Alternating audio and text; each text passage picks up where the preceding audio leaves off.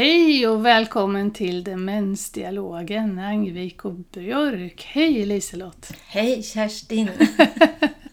det var ett tag sedan vi sågs nu. Ja, tänk vad en sommar går fort. Det, det, är ju sommar kvar fortfarande. Det är precis i slutet på juli nu när vi spelar in. Men vi trodde ju vi skulle ses tidigare, men så här blev det det här året. Ja, så är det.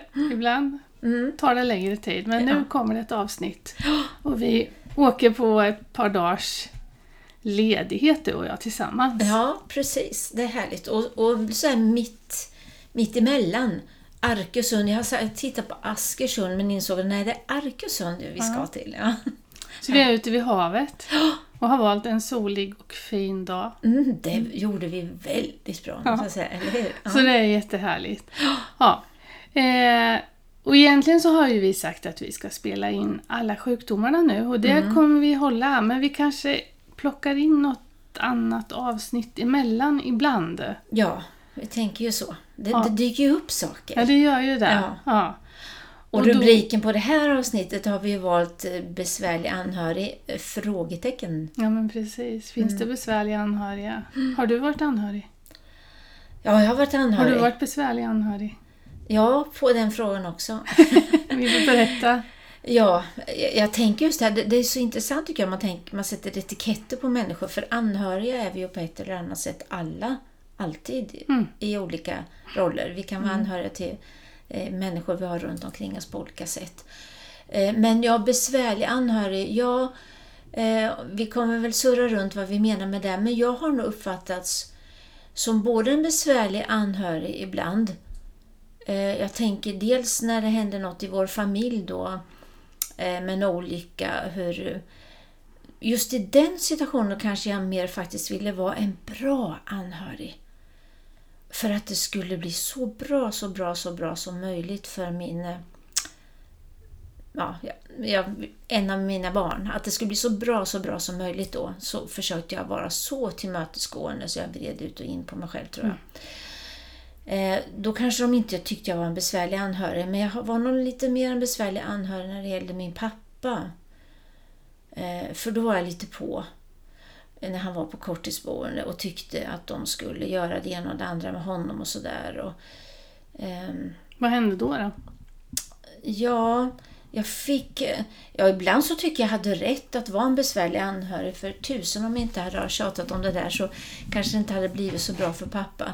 Men i något läge var det också så att jag insåg att det var egentligen att jag var så himla ledsen. Jag var orolig, jag kände ansvar gentemot mamma också sådär.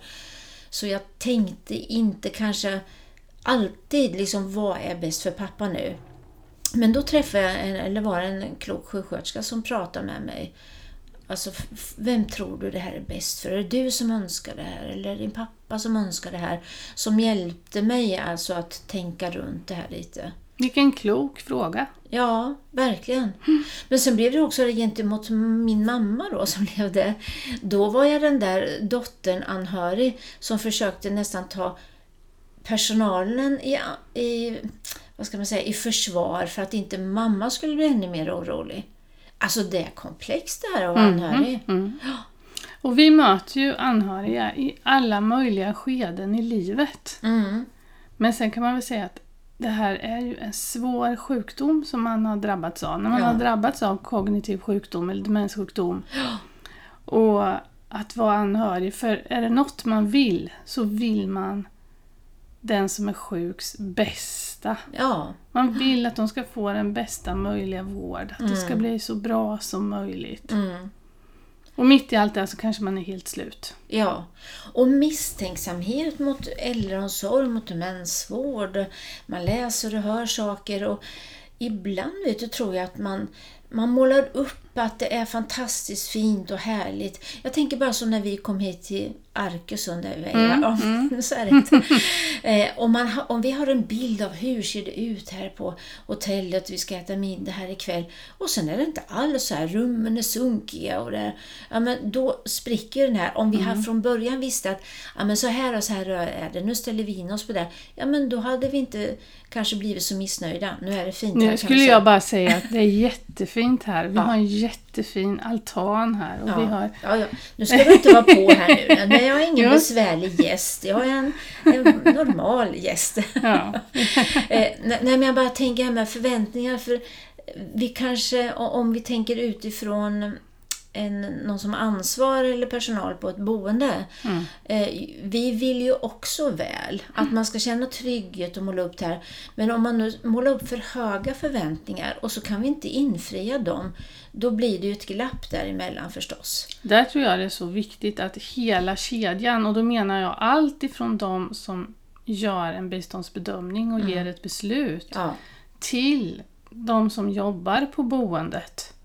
Att alla har sagt samma sak. Ja. Så man inte någonstans i ledet ger de här höga förväntningarna som faktiskt inte stämmer sen, som man kanske inte ens kan leverera eller Nej, ska visst. leverera. nej. Nej.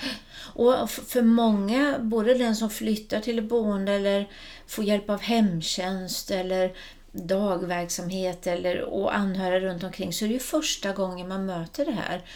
Och då tänker jag, upplever jag många gånger att jag har känt att nej som anhörig eller som den personen själv det gäller har det inte tillräcklig kunskap och information. Vad är det här för någonting? Vad är det som ingår? Vad kan man förvänta sig? Hur fungerar det här?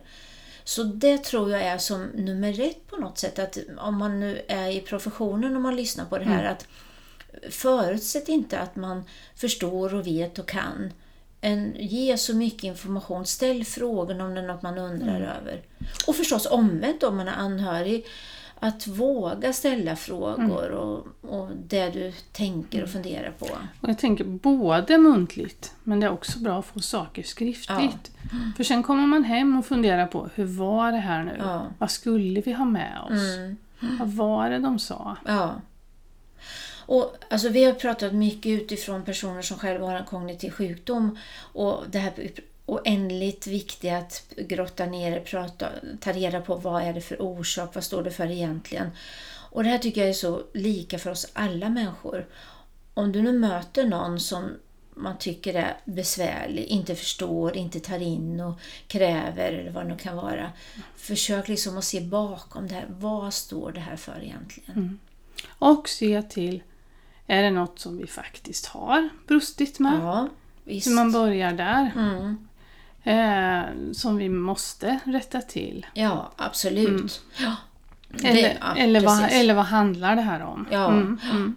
Mm. För någonting tror jag, alltså det här, jag har ju inte varit med om det. Men det måste vara något av det svåraste i livet när man måste ta beslutet till sin Mm. man att nu kan inte han bo kvar hemma här Nej. hos mig längre för jag klarar inte det. Nej. Eh, och alla Och så- de känslor som finns. Eller om man är barn och det handlar mamma och pappa eller, ja, eller Ja, vem den handlar om. Nej, för nu är vi inne på också här, vi har pratat om samtycke. Det är ju ofta svårt i samband med en, en demenssjukdom, en kognitiv sjukdom, att få det här samtycket. Och då om vi då tänker orsaker, Mm. Ja då kan det ju vara att jag har dåligt samvete, jag känner skuld. Och sen har jag försökt att övertyga att det här blir bra, du kommer få det så bra. Och så kommer jag dit och så ser jag att min pappa, som det var i mitt fall då, var smutsig och inte satt och åt tillsammans med de andra och då brister det så. Mm. Ehm, För då får jag på något sätt bekräftat att nej, jag känner mig också lurad då. Det blev inte, och nu har jag lurat min förälder eller Och partner. de klarar inte det här. Nej, just det. Utan att man tar reda på vad är anledningen. För det kan ju, alltså, Mm. Vi har ju i något annat avsnitt pratat om att ibland behöver man bygga förtroende Mm. innan man får tillåtelse att hjälpa till Ja. med hygien eller hjälpa till med vad det nu är. Mm. Och det är som personal blir det en balansgång och som anhörig ser man bara att någon är smutsig. Ja. Vet du, jag, det är inte, jag har varit med om flera gånger att man har lastat över det här på anhöriga. Nej, vi kan inte, försök själv då och mata eller duscha eller så här. Och då kan man tänka, hur, hur känns det då? När jag kanske har slitit och kämpat hur länge som helst och sen så ska jag äntligen få tänka något på mig själv. Och så går inte det och så ringer personalen efter mig. Du får hjälpa till, för det här funkar inte. Mm.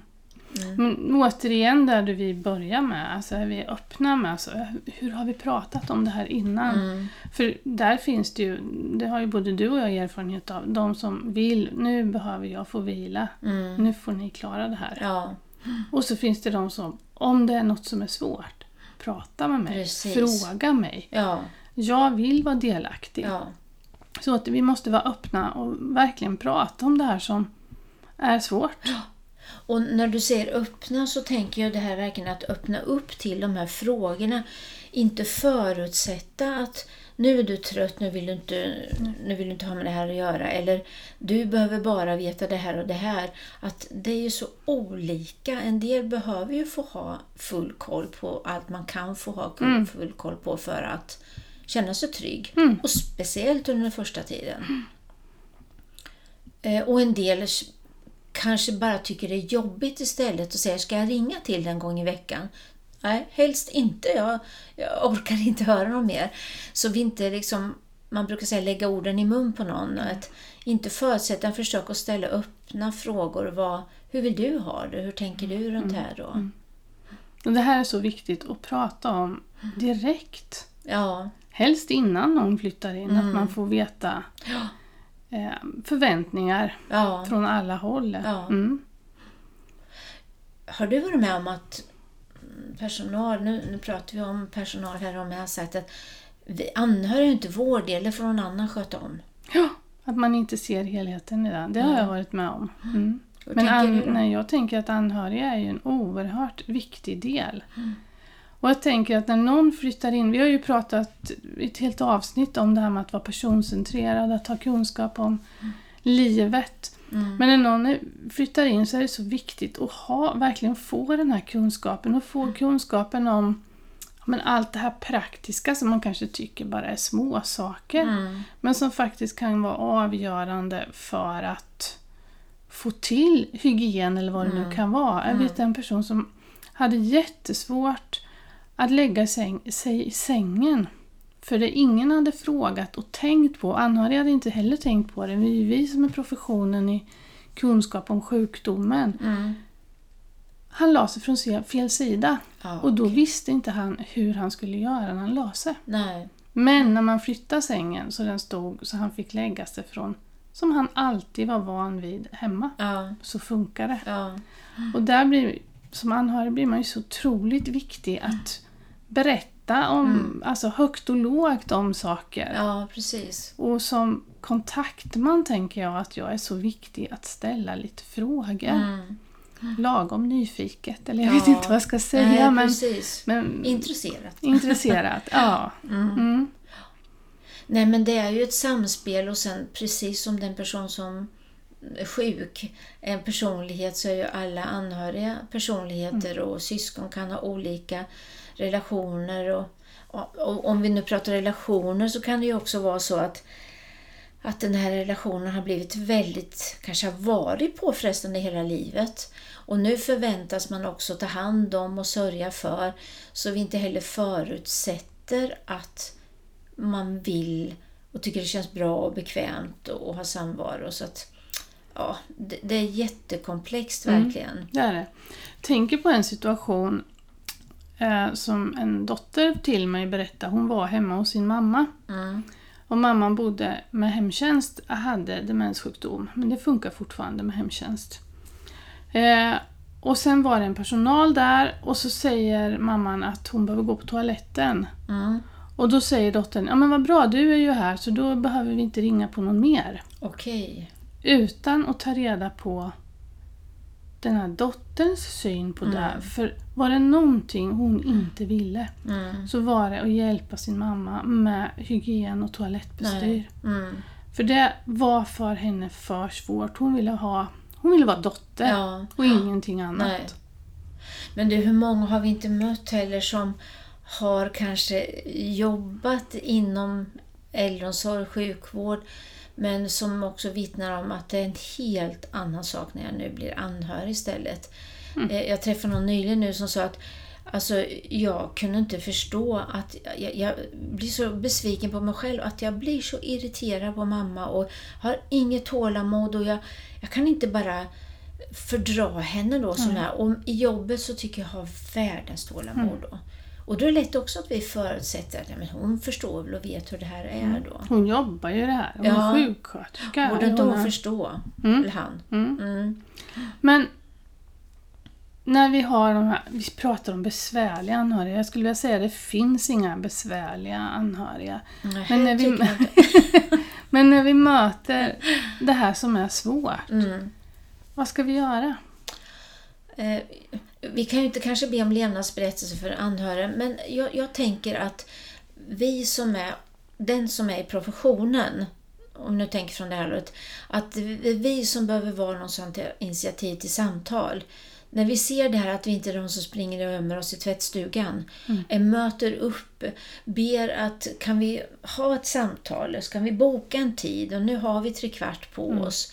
Eh, För i alla fall att få sätta ord på det här och sen inte gå till försvar och förklara. För när jag är i sorg och det är jobbigt, då behöver jag få ur mig det här. Jag, jag kanske inte vill ha några förklaringar just då.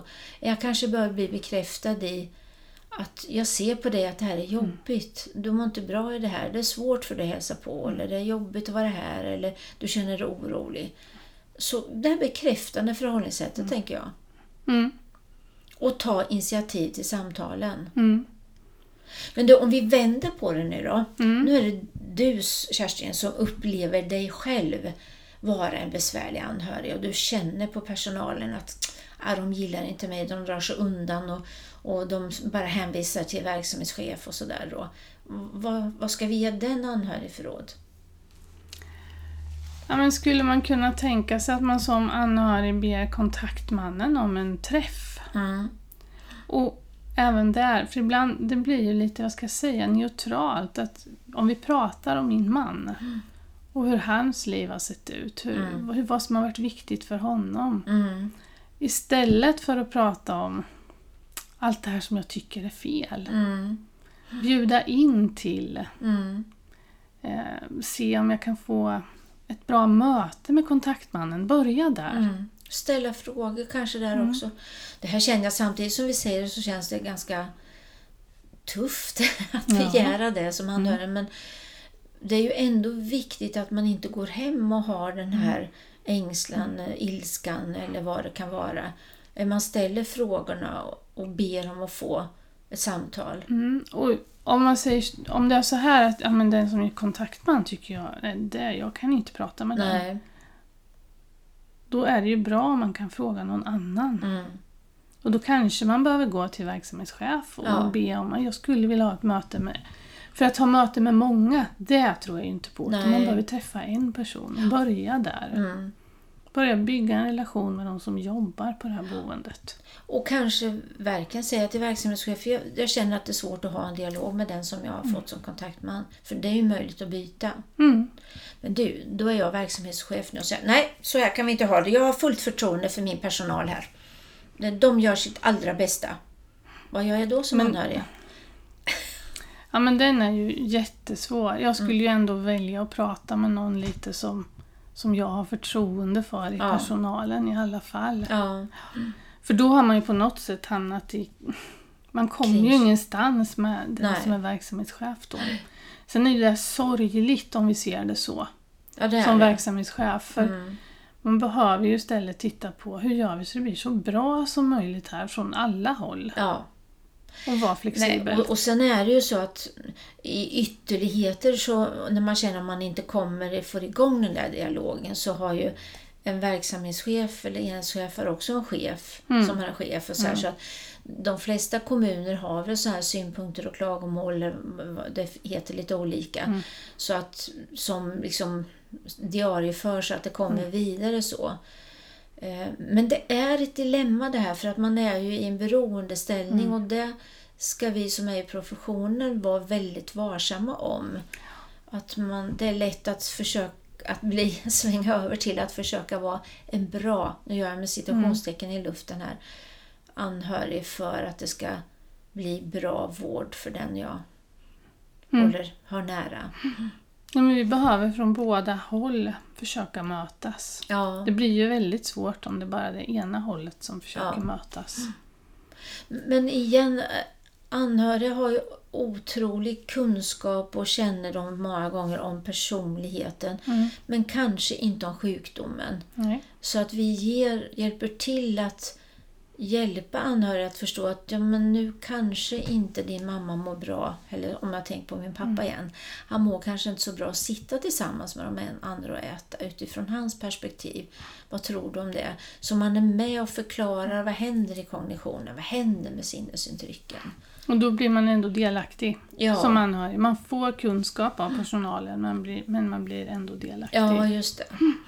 Så den bara inte kommer färdigt, så här och så här gör vi. Så det blir ett litet ge och ta där också. Mm. Alltså professionen, vi har kunskap om sjukdomen som vi behöver hjälpa till och informera om. Ja, Som anhörig, kunskap om, om personen ja precis. som den behöver informera om. Ja, För, eller när personen själv kan vara, uttrycka också. Det får vi inte heller glömma. Så att Nej. man får uttrycka.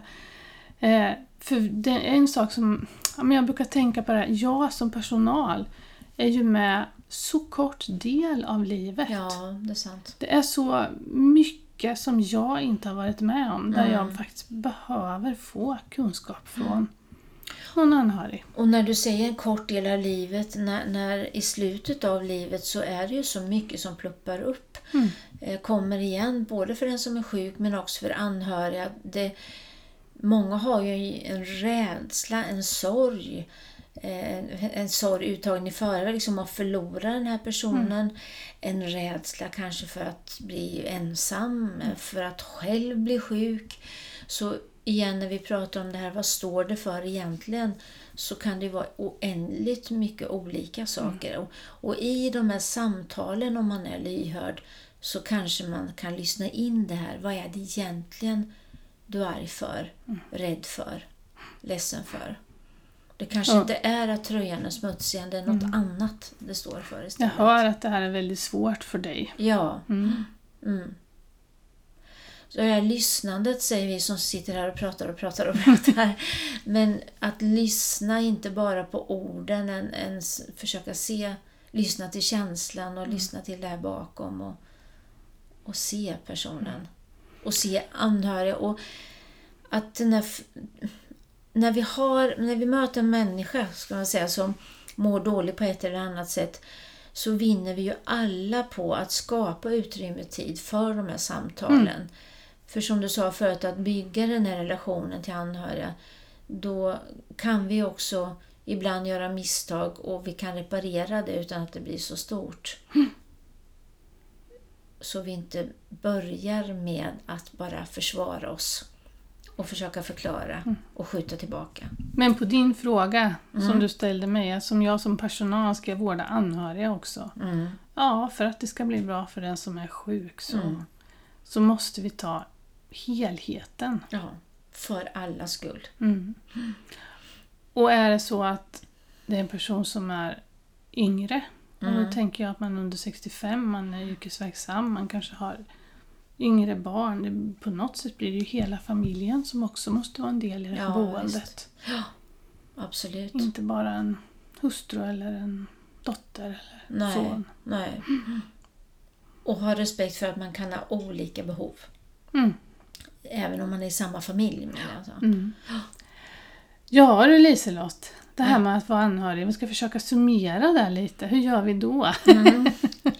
Ja, det kan man, för, för, från två håll vill vi. Om, om vi tar det utifrån anhörigas perspektiv först så bär inte dina frågor och funderingar inom dig än ändå försök att ställa de här frågorna, be om samtal och sådär. Sen finns det ju på många eh, i kommuner anhörigstöd, olika forum man kan eh, träffa andra för att få liksom stöd och hjälp därifrån hur man kan agera och sådär. Ibland kan det ju vara bra att ha någon extern med sig i de här samtalen, om det har, speciellt om det har låst sig. Och fått prata med någon utanför det Ja, boendet precis. för att bli lite klar över hur man ska gå vidare. Ja. Mm. Och som personal då, Kerstin?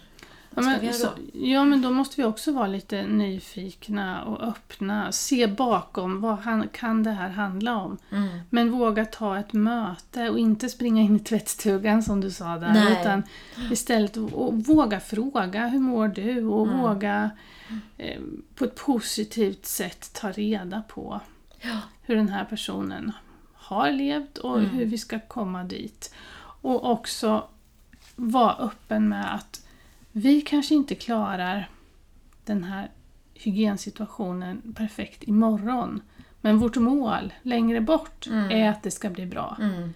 Och försöka att hitta, så man är överens om att överens om resan dit. ja, man är delaktig i den resan. Mm, mm, Och vet, jag tänker också som omvårdnadspersonal att jag upplever ibland att man kan känna sig lite rädd eller ängslig för de här samtalen och så ska man ha verksamhetschef eller någon med sig. mm, Det, jag upplever att det inte alltid blir en bra balans då. För att det är lätt att det blir som att nu ska vi tala om för dig som anhörig, så här och så här är det faktiskt då. Eh, Det blir lite mer jämvikt kanske om man vågar att ta de här samtalen själv. Sen har vi inte svar på allting. Jag vet inte det här, det här ska jag ta reda på så får jag komma tillbaka till mm. Och som personal, lyssna. Ja. För mycket handlar om att, att lyssna. Ja. Mm. Som vanligt så lägger vi ut lite tips kring det här på vårt Instagramkonto på Facebook, eller hur? Ja. Eh, och frågetecknet står kvar då, besvärlig anhörig. Mm, precis. Men det finns mycket att göra från Det båda det. håll. Mm. Möjligheter finns det. Ja, det gör det. Mm. Ja. Och nu får vi hoppas att alla ni där ute får en fortsatt fin sommar. Mm. Och att ni har haft en fin sommar hittills. Mm. Verkligen. Hej då! Hej!